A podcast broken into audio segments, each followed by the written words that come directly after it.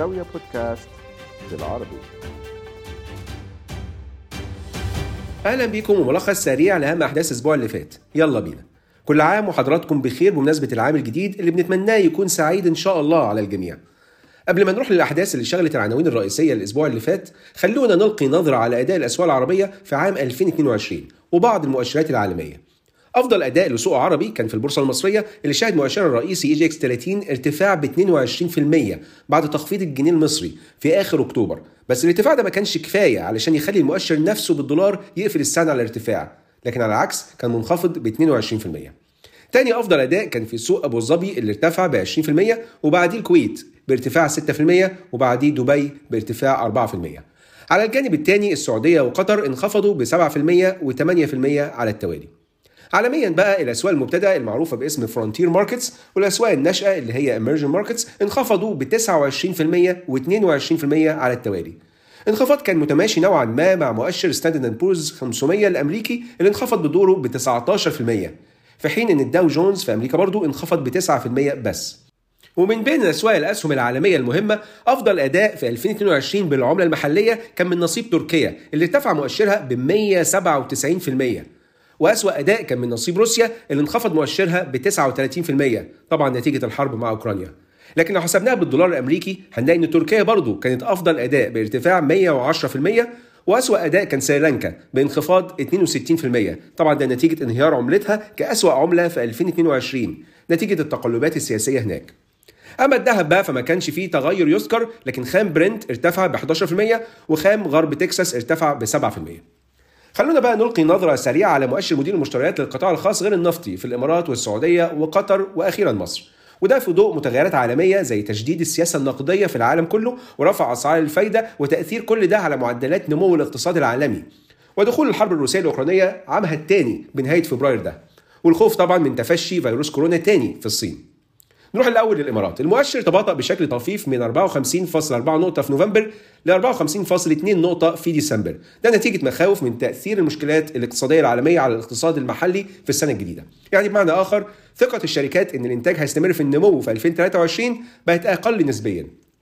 لكن بالرغم من ده دبي أعلنت عن أجندتها الاقتصادية للعشر سنين الجايين واللي أعلنها حاكم دبي ورئيس مجلس وزراء الإمارات الشيخ محمد بن راشد المكتوم. حسب الأجندة دبي تستهدف تجذب استثمارات أجنبية مباشرة ب 177 مليار دولار خلال 10 سنوات يعني تقريبا 16 مليار دولار سنويا.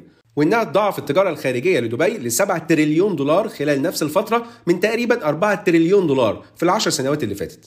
الأجندة بتشمل 100 مشروع هيتم الإعلان عنهم بعد كده مع مستهدفات اقتصادية إجمالية بتبلغ حوالي 9 تريليون دولار خلال العشر سنين الجاية. أما في السعودية فمؤشر PMI انخفض هو كمان من 58.5 نقطة في نوفمبر ل 56.9 نقطة في ديسمبر وده أقل مستوى ليه في ثلاث شهور. السعودية من ناحيتها مستمرة في تنويع اقتصادها وزيادة مساهمة القطاع غير النفطي في الناتج المحلي الإجمالي للمملكة من خلال برضه جذب رؤوس أموال واستثمارات إذا كان من خلال مشاريع ضخمة سياحية زي مدينة نيوم بالبحر الأحمر أو إن الرياض نفسها تتحول لمركز مالي يكون وجهة للشركات. أما في قطر وبعد انتهاء بطولة كأس العالم فيفا قطر 2022 واللي استمر لمدة شهر لحد بعد نص ديسمبر اللي فات مؤشر ال PMI ارتفع لتاني شهر على التوالي من 48.8 نقطة في نوفمبر ل 49.6 نقطة في ديسمبر.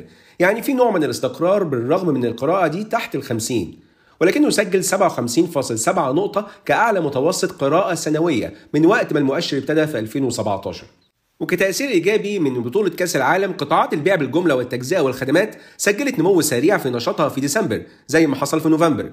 ده غير إن توقعات النشاط التجاري لل 12 شهر الجايين اتحسنت هي كمان وده أعلى مستوى ليها من يوليو 2020 السؤال اللي بيشغل المتابعين يمكن يكون هو الوضع هيكون إيه بعد كأس العالم؟ الاستقصاء الخاص بالمؤشر بيبين إن معظم الشركات بتتوقع إن كأس العالم هيكون ليه تأثيرات إيجابية مع تنفيذ مجموعة من المشاريع الجديدة اللي كان مخطط ليها. ومع استمرار نمو النشاط السياحي في قطر.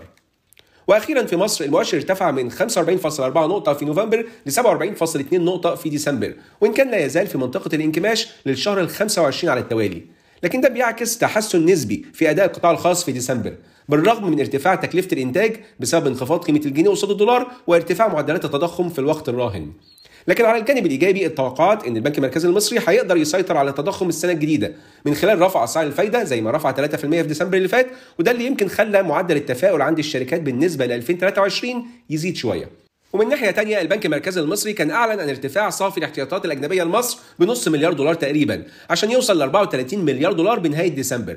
وبعدها وبالتحديد يوم الأربعاء 4 يناير قرر البنك المركزي المصري إنه يخلي سعر الدولار قصاد الجنيه يتحرك تاني أو ثالث بعد ما البنك الأهلي المصري وبنك مصر أكبر بنكين مملوكين بالكامل للدولة قرروا إصدار شهادة ادخار جديدة بعائد 25% لمدة سنة تصرف بعد 12 شهر. أو واحدة تانية بفايده 22.5% تصرف شهريا. وده يعتبر ثالث أكبر تحريك لسعر صرف الجنيه المصري قصاد الدولار الأمريكي في أقل من 10 شهور بعد تخفيض 21 مارس و27 أكتوبر 2022 يعني الجنيه المصري فقد 9% من قيمته خلال الأربع والخميس اللي فاتوا بعد ارتفاع الدولار في السوق الرسمي من 24 جنيه 75 قرش ل 27 جنيه 20 قرش تقريبا كل ده في اعقاب قرار المركزي بنهاية ديسمبر إنه يلغي اعتماد الاستيراد على الاعتمادات المستندية بس، القرار اللي كان تم اتخاذه في فبراير 2022 علشان يحجم الاستيراد ويخفف الطلب على الدولار.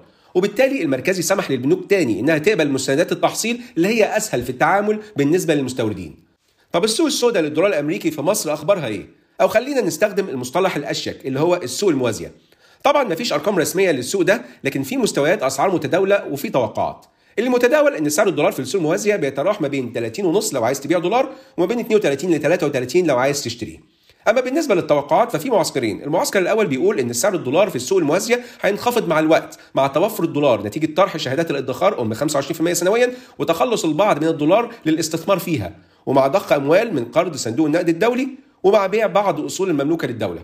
وفي معسكر تاني بيتوقع إن الدولار هيستقر في نهاية المطاف عند 30 جنيه خلال الأيام الجاية.